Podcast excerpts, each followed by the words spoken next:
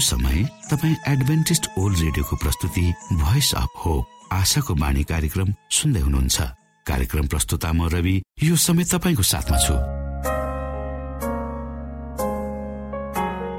मानव जातिमा देखाइएको परमेश्वरको प्रेम र अनुग्रह तपाईँसँग बाँड्ने उद्देश्यले तपाईँकै आफ्नै प्रिय कार्यक्रम आशाको बाणीमा यहाँलाई हामी न्यानो स्वागत गर्दछौ। आशाको बाणीको आजको प्रस्तुतिबाट पनि तपाईँले परमेश्वरसँग नजिक रहेको अनुभूति गर्नुहुनेछ भनेर हामी आशा राख्दछौ। आउनु श्रोता यो मधुर भजनसँगै हामी हाम्रो मुख्य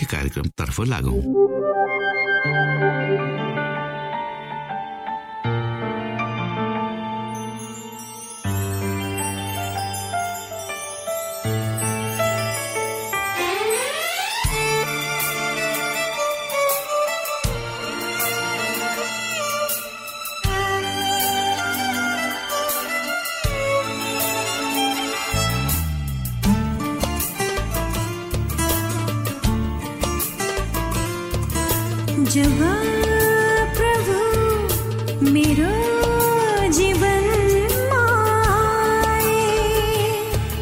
रेडियोको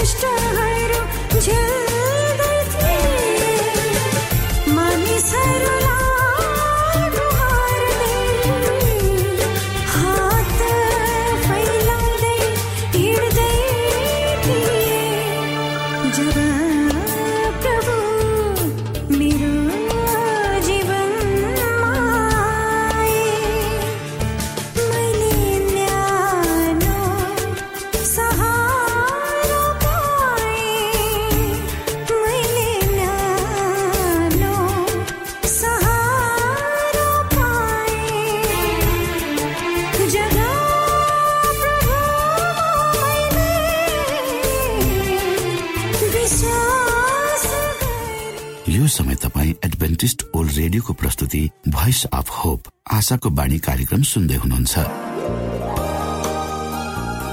तपाईँ आशाको बाणी कार्यक्रम सुन्दै हुनुहुन्छ।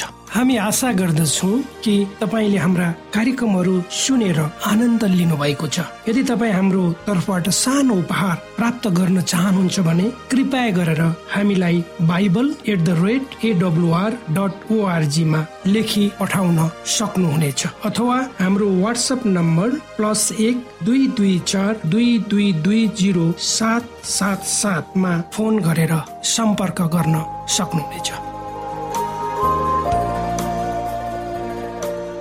श्रोता मित्र यो समय हामी पास्टर उमेश पोखरेलबाट आजको बाइबल सन्देश सुन्नेछौ।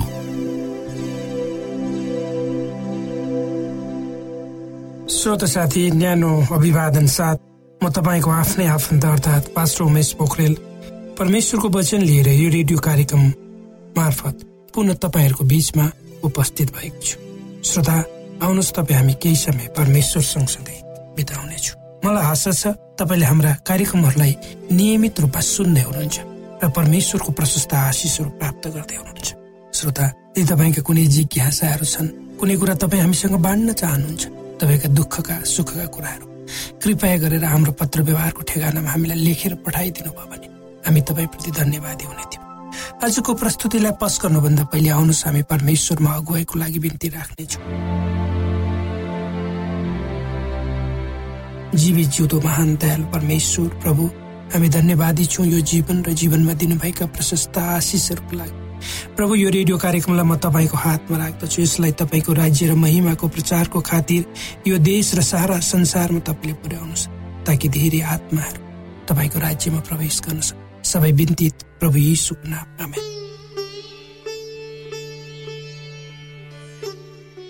श्रोता साथी झनक घिमिरेले आफ्नै परिवेशमा लेख्नुहुन्छ मान्छेको स्वरूपको एउटा खराब प्रवृत्तिले भन्यो त्यो त घमण्डी पाखण्डी। हुन त मान्छेलाई आफू जस्तै भए पनि राम्रै लाग्छ। तर झारपातको त अस्तित्व हुन्छ भने म त मान्छे पो त। मैले जिन्दगीको अर्थ खोज्दा कसैलाई घमण्ड पाखण्ड गरेकै ठहरिन्छ भने ठहरियोस्। त्यो अनुहारले जति दोहोऱ्याए पनि उसले आफैलाई हेर्नमा उभिएर हेऱ्यो भने आफ्नो अनुहार कस्तो छ भने छर्लङ्ग देखिन्छ। यहाँ कोही मान्छे भन्छन् जिन्दगी केही पनि होइन। दुई दिन भाँचुन्जेल रमझम दुई दिनपछि सारा फुस्स जान्छ। संसार त्यति नै हो। ठिकै हो जिन्दगी भाँचुन्जेल रमझम मरेपछि केही छैन संसार। तर यस्तै सोचाइ मात्र राख्ने हो भने त संसार ब्ल्याक एन्ड व्हाइट हुन्थ्यो। रङ्गीन हुन सक्दैन थियो मान्छेको खराब प्रवृत्ति पनि सही रङ्गीन संसारकै उपज हो हो स्रोत साथी मानिस बुझ्न नसकिने प्राणी हो। मानिसको स्वभाव र प्रवृत्ति अनौठो लाग्छ। जसलाई हामी बुझ्न सक्दैनौँ हामीले आफूलाई आफैभित्र खोज्ने र चिन्ने प्रयास गर्यौँ भने पनि जिन्दगीका कयौँ वर्षहरू बिताएर वृद्ध अवस्थामा पनि हामी भेट्टाउन सक्दैनौँ। वा बुझ्दैनौँ जान्दैनौँ। हाम्रो मन र सोचाइको बारेमा कहिले काहीँ हामी आफै छक्क पर्छौँ। उन्नाइसौँ शताब्दीका एक दार्शनिक अर्थर एक दिन गहिरो सोचमा परेका हुन्छन्। उनको सोचाइमा मानव जाति हुनु भनेको के होला नै थियो। र त्यही कुरा सोचेर हिँड्दा हिँड्दै उनी अचानक एकजना अपरिचित मानिससँग बाटोमा ठोकिन पुग्छ। अर्को मानिसले रिसले चिच्याएर अर्थलाई सोध्छ तैँले आफूलाई के ठाने? के हो? को होस् भनी ठानेको छस्? अर्थरले अर्थरले भने म को? मलाई नै थाहा छैन। र थाहा पाए कति राम्रो हुने थियो। हो श्रोत साथी आजको समुद्रको बालुवाको कण स्वरूप जताततै पृथ्वीमा छरिएर रहेका हामी मानिसहरू को हौ के गरिराखेका छौँ यो प्रश्न आज तपाईँ हामी सबैको चासोको विषय हो। र जबसम्म मानिसले आफू को हुँ र आफूसँग धरती आफू यस धरतीमा किन छु भनी बुझ्दैन तबसम्म जीवन उसको लागि केवल एक छा खानु एकाङ लगाउनु सन्तान उत्पादन गर्नु अन्तमा मर्नु बाहेक केही नहुन सक्छ। जुन कुरो संसारका सबै जीवहरूले प्राकृतिक रूपमा गर्ने गर्दछ अर्थात् मानिसको सृष्टि परमेश्वरले विशेष किसिमले र विशेष उद्देश्यका साथ गर्नु र जुन उद्देश्यका साथ मानिसको सृष्टि गरियो उक्त उद्देश्य जबसम्म मानिसले बुझ्न सक्दैन तबसम्म पुरा पुरा हुँदैन संसारका कुनै पनि कुरालाई हामीले ध्यानपूर्वक हेऱ्यौँ भने तिनीहरूको उपस्थितिको पछाडि कसैको स्पष्ट योजना देखिन्छ। अर्थात् तपाईँ हामीले देख्ने संसारका कुनै पनि प्राकृतिक चिज वस्तु हामी आफै पनि एक व्यवस्थित एवं सुनियोजित ढङ्गबाट निर्माण भएका भन्दा अर्को अर्थ नलाग्ने यद्यपि मानिसको उत्पत्तिको सम्बन्धमा विभिन्न धर्महरू दर्शनहरूको आफ्नै दृष्टिकोण पाइन्छ परमेश्वरले मानिसलाई विशेष लक्ष्य लिएर सृष्टि गर्नुभएको हुनाले तपाईँ हामी अचानक वा त्यसै कुनै सूक्ष्म जीवबाट विकास भएका होइन। परमेश्वरले सृष्टि गर्नुभएका अन्य जीवहरूभन्दा हामी फरक छौँ। हाम्रो स्वभाव फरक छ। हाम्रो सोचाइ र विचार फरक छ। हामी जन्मनुको पछाडि कुनै उद्देश्य छैन भन्ने तर्कहरू पनि सुनिन्छन्। तर यदि त्यो सही हो भने मानिस जाति र पशुमा के भिन्नता रह्यो त? पवित्र धर्मशास्त्र बाइबलको उत्पत्ति एक अध्यायको छब्बिस पदमा मानव जातिलाई परमेश्वरले उहाँको स्वरूपमा सृष्टि गर्नुभयो भने स्पष्ट गरेर लेखिएको छ। परमेश्वरले मानिसलाई आफ्नै स्वरूपमा मात्र सृष्टि गर्नु भएन तर उसलाई उसले के गर्नुपर्छ भनेर भन्नु पनि भयो। त्यसको अर्थ हामीले आफ्नो जीवनलाई व्यर्थमा बिताउने होइन तर त्यसलाई उद्देश्यमूलक ढङ्गले परमेश्वरको बाटोमा हिँडाउनु पर्छ किनकि परमेश्वरले मानिसलाई उहाँले गर्नु भएको सारा सृष्टिको हेरचाह गर्ने जिम्मेवारी दिनुभएको छ। र ती परमेश्वरका सृष्टिहरूको संरक्षण र सम्वर्धन गर्ने जिम्मेवारी पाएका हामी मानिस जातिलाई उहाँले विभिन्न वरदानहरू दिनुभएको छ। वरदानहरूलाई हामीले परमेश्वरको महिमाको निम्ति प्रयोग गर्नुपर्छ। त्यही नै उहाँको इच्छा मानव जातिबाट मानव जातिको निम्ति। श्रोता हामीमा अर्थात् मानिस जातिमा भएका शारीरिक बौद्धिक सामाजिक र आत्मिक वरदानहरूलाई मानव हितको निम्ति प्रयोग गर्नुपर्छ।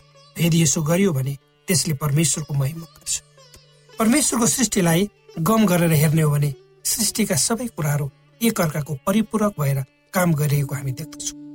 र हामी मानिसहरूले यो संसारमा रहँदा परमेश्वरको प्रतिनिधिको रूपमा जिउनु पर्छ काम तर आज मानिस जाति परमेश्वरको इच्छा र उसको सृष्टि गरिनु पछाडिको महान योजनालाई जान्दा जान्दै आफ्नो क्षणिक स्वार्थ र लालचाको निम्ति दिन रात अस्वस्थ प्रतिस्पर्धात्मक दौडमा दौडिरहेको छ भौतारिरहेको छ किनकि मानिसले आफूलाई चिन्न सकेको देखिन् आजको संसारमा परमेश्वरको सृष्टिलाई टेकेर वा आधार बनाएर मानिसले विज्ञान र प्रविधिको माध्यमद्वारा धेरै प्रगति गरेको छ। आफ्नै सुख सुविधाको निम्ति मानिस धेरै अगाडि बढिसकेको पाइन्छ। तर जब मानिसको भित्री भावनाको कुरा आउँछ तब मानिस अगाडि बढेको देखि परमेश्वरले हाम्रो सृष्टि उहाँको स्वरूपमा गर्नुभएको हो। त्यसले परमेश्वर र हाम्रो सम्बन्ध एक आपसमा अभिन्न रूपमा जोडिएको छ। यो छुट्याउन सके मानिसको सबै पक्षहरूमा पापले प्रत्यक्ष असर पारेको देखिन्छ र पृथ्वी र पर्यावरणलाई पनि ठुलो असर पारेको हामीले देखिरहेको छौँ।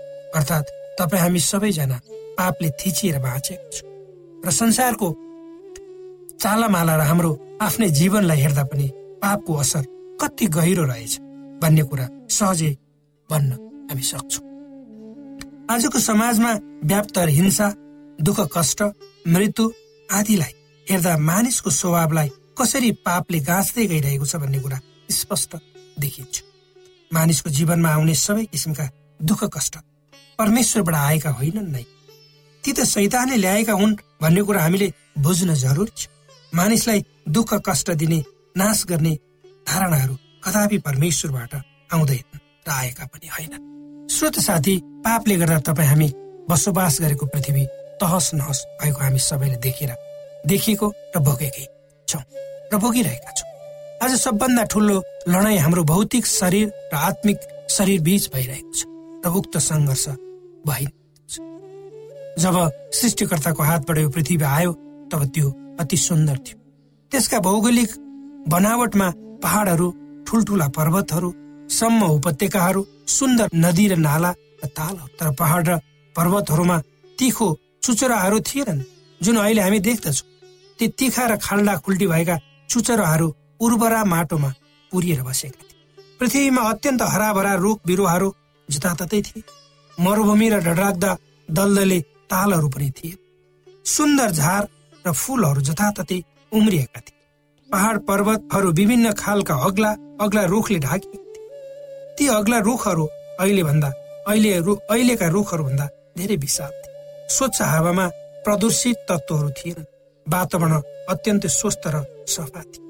कुनै पनि सम्पन्न परिवारको घरहरूका आँगनमा सजी सजाउ गरिएका बगैँचाहरू त्यस बेलाका बगैँचाहरू सुन्दर विशाल। स्वर्गदूतहरूले त्यस रमणीय दृश्यलाई अत्यन्त रमाइलो पूर्वक हेर्दथे परमेश्वरको त्यस सुन्दर र अचम्मको कामलाई उनीहरूले प्रशंसा पनि गर्दथे श्रोत साथी पाप जब यो संसारमा प्रवेश गर्यो पापले मानिसलाई निरन्तर रूपमा थिच्दै गयो। विभिन्न बाहनाहरूद्वारा। र पापको कारणले मानिस यति शिथिल भयो किनकि उसको चेतना शक्तिलाई कुन कुरो ठिक र कुन कुरो गलत भन्ने कुरो त्यो छुट्याउने शक्ति छ त्यो शक्तिलाई पापले मारिदियो। र मान्छेले आफू किन यो संसारमा उपस्थित भएको छु? र मान्छेले आफूले गर्नुपर्ने कर्तव्य के हो? त्यो कुरा भुल्यो। र मान्छे पशु सर मैले आजै एउटा खबर कागजमा कान्तिपुरमा पढेको थिएँ कि एउटा बाबुले आफ्नै बाबुले आफ्नै बाह्र वर्षकी छोरीलाई बलात्कार गरे। यदि त्यो बाबुमा अलिकति पनि मानवीय चेतना थियो भने आफूले जन्माएकी आफूले हुर्काएकी आफूले काखमा बोके माया गरेकी तोते बोली बोलेर तोसँग त्यसलाई हिँड्न सिकाए छोरीलाई निश्चय पनि उसले आफ्नो पाशविक त्यो दानवताको नाङ्गो व्यवहार गर्दैन थियो। मलाई दुःख लाग्छ सुन्दा। त्यसकारण आजको संसारमा बस्ने तपाईँलाई सैतानले बारम्बार आक्रमण गरिरहेको छ। कोही पनि सुरक्षित छैन। कसैले पनि सोच्नु हुँदैन कि हामी सुरक्षित छौँ। यदि तपाईँ हामी सुरक्षित पूर्वक आफ्नो जीवनलाई चलाउन चाहन्छु भने सैतानका सबै किसिमका बन्धनहरू जालजेलहरूबाट आफू सुरक्षित हुन चाहन्छु भने त्यसको लागि हामीले आत्मिकी हतियारहरू धारण गर्नुपर्छ र त्यो आत्मिकी हतियार हामीले परमेश्वरमा मात्र पाउँछौँ। परमेश्वरले यी वचनहरूद्वारा तपाईँलाई आशिष दिनुहोस्।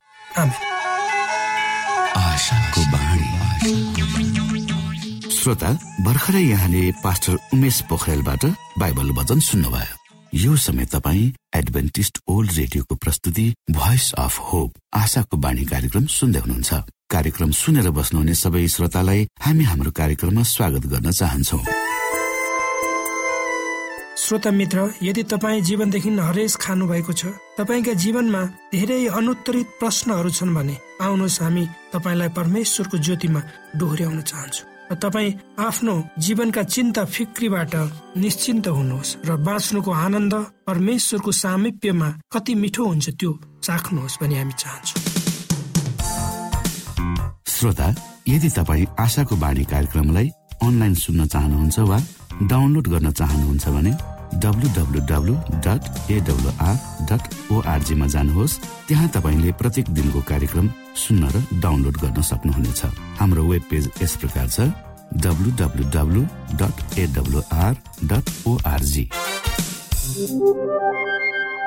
श्रोता यदि तपाईँ हामीसित सिधै फोनमा सम्पर्क गर्न चाहनुहुन्छ भने हाम्रा नम्बरहरू यस प्रकार छन्। अन्ठानब्बे एकसाठी पचपन्न शून्य एक सय बिस। अन्ठानब्बे एकसाठी पचपन्न शून्य एक सय बिस। र अर्को अन्ठानब्बे अठार त्रिपन्न पन्चानब्बे पचपन्न। अन्ठानब्बे अठार त्रिपन्न पन्चानब्बे पचपन्न।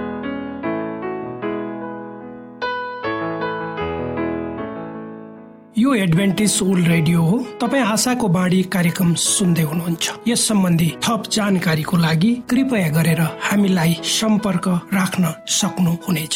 हाम्रो इमेलको ठेगाना Bible at the rate AWR dot org अर्थात् B I B L E at AWR dot org हो। तपाईँ हामीलाई हाम्रो वाट्सएप नम्बर प्लस एक दुई दुई चार दुई दुई दुई जिरो सात सात सातमा पनि कल गरेर सम्पर्क राख्न सक्नुहुनेछ। अर्थात् प्लस एक दुई दुई चार दुई दुई दुई जिरो सात सात सात। यो आशाको बाणी रेडियो कार्यक्रम हो। म धनलाल राई यहाँहरूलाई यस कार्यक्रममा न्यानो स्वागत गर्दछु। आज म तपाईँको बीचमा बाइबल सन्देश लिएर आएको छु। आजको बाइबल सन्देशको शीर्षक रहेको छ इमान्दारिता र विश्वसनीयता देखाउनले पाउने इनाम।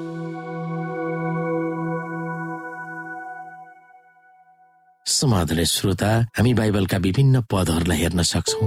ती पदहरूले हामीलाई के सिकाउँदछ र त्यसको प्रतिक्रिया कस्तो हुनु पर्दछ वा सुने मात्रै कि पालन पनि गर्ने वा आत्मसात गर्ने हामी हेर्न सक्छौ। यहाँनिर हिब्रू एघार अध्यायलाई हेर्न सक्छौ। विश्वास बिना परमेश्वरलाई प्रसन्न पार्नु असम्भव छ किनकि जो परमेश्वरको नजिक आउँछ त्यसले परमेश्वर हुनुहुन्छ र उहाँलाई खोज्नेहरूलाई उहाँले प्रतिफल दिनुहुन्छ भन्ने पक्का विश्वास गर्नु पर्दछ यसै गरी प्रकाशको पुस्तकमा लेखिएको छ हेर म चाँडै आउँदैछु। हरेक मानिसलाई उसले गरे अनुसार दिने प्रतिफल मसँग छ। यसै गरी हामी अन्य बाइबल पदहरू पनि हेर्न सक्छौ यसैयालाई हेर्न सक्छौ। हेर परमप्रभु परमेश्वर पराक्रम साथ आउँदै हुनुहुन्छ र उहाँको हातले शासन गर्नुहुन्छ। हेर उहाँको इनाम उहाँसितै छ र उहाँको प्रतिफल उहाँकै साथमा छ। र परमप्रभुले पृथ्वीको पल्लो छेउसम्म घोषणा गर्नु भएको छ। सियोनको छिरीलाई भन् हेर तिम्रो मुक्तिदाता आउँदै हुनुहुन्छ। हेर उहाँको प्रतिफल उहाँसितै छ र उहाँको इनाम उहाँकै साथमा हुनेछ। सोच साथी परमेश्वरप्रति निष्ठावान आस्थावान र विश्वास साथ खट्ने वा आफूले पाएको शिक्षा दिशामा हिँड्ने उहाँका भक्तजनहरूलाई दिने इनाम अरूहरूले पाउने भन्दा विशेष वा भिन्न छ। त्यस इनाममा अरूहरू साथै आत्मिक थोकहरू पनि समावेश भएको छ। त्यो बुझ्न हामीहरूको मरणशील र सीमित दिमाग भन्दा अपार छ। धर्मी वा धार्मिक जीवनमा रहनेहरूले पाउने इनाम कुनै पनि मानवीय भाषामा व्याख्या गर्न सकिँदैन। अर्थात् व्याख्या गर्ने प्रशस्त शब्दहरू नै छैन। त्यसलाई देख्नेलाई मात्र थाहा दिइन्छ। परमेश्वरले तयार गरिरहनु भएको स्वर्गको महिमा कस्तो हुन्छ भनेर कुनै पनि सीमित दिमाग भएको मानिसले बुझ्न सक्दैन। डाँडामा दिनुभएको सुरुको उपदेशमा यसुले सात थरीका मिजाज वा मनस्थिति भएका मानिसहरूलाई स्यावास दिनुभएको थियो। अर्थात् धन्यका हुन् भनेर आशिष दिनुभएको थियो। ती स्यावास अर्थात् धन्यहरूलाई उहाँले यसरी समाप्त गर्नुभएको थियो। धन्य हो तिमीहरू जब मानिसहरूले मेरो खातिर तिमीहरूको निन्दा गर्नेछन् र सताउनेछन् र झुटा बोलेर तिमीहरूका विरुद्धमा सबै किसिमका खराब कुरा भन्नेछन् तब रमाओ र अत्यन्तै खुसी हो किनभने स्वर्गमा तिमीहरूको इनाम ठुलो हुनेछ। किनभने यसरी नै तिमीहरू भन्दा अघिका अगमवक्ताहरूलाई तिनीहरूले सताएका थिए। मत्ती पाँच अध्यायको एघारदेखि बाह्र। यसै गरी हिब्रू एघारमा पनि विश्वासका धरोहरहरूको नामको सूची प्रस्तुत गरेपछि लेखकले अर्को अध्यायमा यसो किन क्रुसमा मर्न तयार हुनुभयो भनेर उल्लेख गर्दछन्।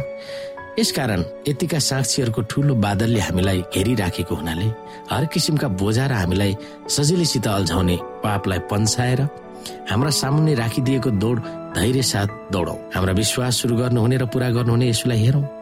जसले उहाँको सामुन्ने राखिदिएका आनन्दको निम्ति अपमानलाई केही जस्तो नठानी क्रुसको कष्ट भोग्नुभयो र परमेश्वरको सिंहासनको दाहिनेपट्टि विराजमान हुनुहुन्छ। विश्वास तथा आस्थालाई प्रयोग गरेर चल्नु भनेको कामद्वारा मुक्ति पाउने होइन। हामीमा देव बाइबलमा कुन पात्रहरू छन् जसको चरित्र परमेश्वरको निगाह पाउन योग्य र असल थियो? अह कोही पनि छैन र न थियो पनि। क्रुसको सम्पूर्ण विषयवस्तु नै त्यो हो। यदि हाम्रो धर्म कर्म असल काम परोपकारी र उद्धार हृदय भएर दान दक्षिणा आदि दिएर मुक्ति पाउने भए यसु क्रुसमा कहिले पनि चढ्नु हुने छैन। तर हामीले पाउने मुक्तिको स्रोत परमेश्वरको अनुग्रह हो।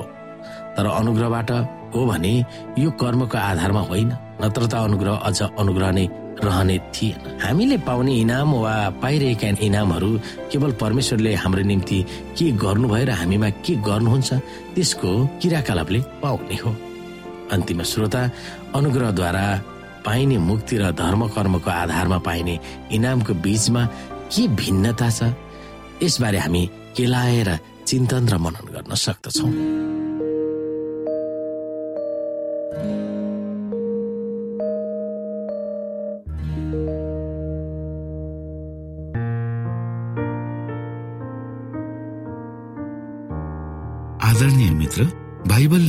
छ परमेश्वरले तिर्खाकाहरूलाई तृप्त पार्नुहुन्छ र भोकालाई उत्तम पदार्थले सन्तुष्ट पार्नुहुन्छ।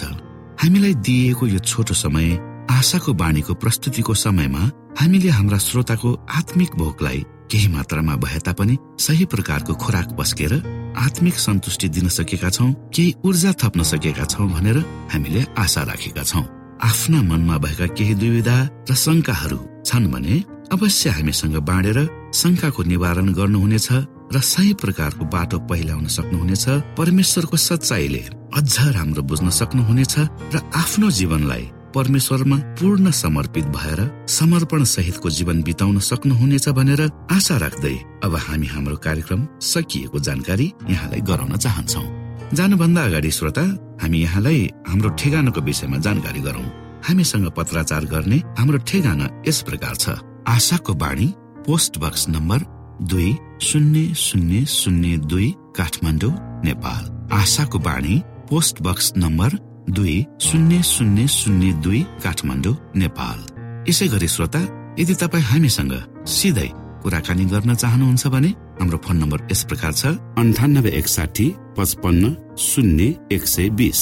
अन्ठानब्बे एकसाठी पचपन्न शून्य एक सय बिस र अर्को अन्ठानब्बे अठार त्रिपन्न पन्चानब्बे पचपन्न। अन्ठानब्बे अठार त्रिपन्न पन्चानब्बे पचपन्न। हामीलाई इमेल पनि गर्न सक्नुहुन्छ। हाम्रो इमेल एड्रेस यस प्रकार छ Nepal at AWR dot org Nepal at AWR dot org यदि तपाईँ हामीलाई अनलाइन सुन्न चाहनुहुन्छ वा डाउनलोड गर्न चाहनुहुन्छ भने तपाईँ डब्लु डट एडब्लुआर डट ओआरजीमा जानुहोस् र त्यहाँ तपाईँले हाम्रा सबै कार्यक्रमहरू सुन्न सक्नुहुनेछ। हाम्रो वेब पेज यस प्रकार छ W dot AWR dot org श्रोता यसमा गएर तपाईँले हाम्रा दैनिक कार्यक्रमलाई सुन्न सक्नुहुनेछ र डाउनलोड पनि गर्न सक्नुहुनेछ। हवस् त श्रोता हाम्रो कार्यक्रम सुनिदिनु भएकोमा एकचोटि फेरि यहाँलाई धन्यवाद दिँदै भोलि फेरि यही स्टेशन यही समयमा यहाँसँग भेट्ने आशा राख्दै प्राविधिक साथी राजेश पास्टर उमेश पोखरेल र कार्यक्रम प्रस्तुता म रवि यहाँसँग विदा माग्दछौ। परमेश्वरले तपाईँलाई धेरै धेरै आशिष दिनु भएको होस्। नमस्कार।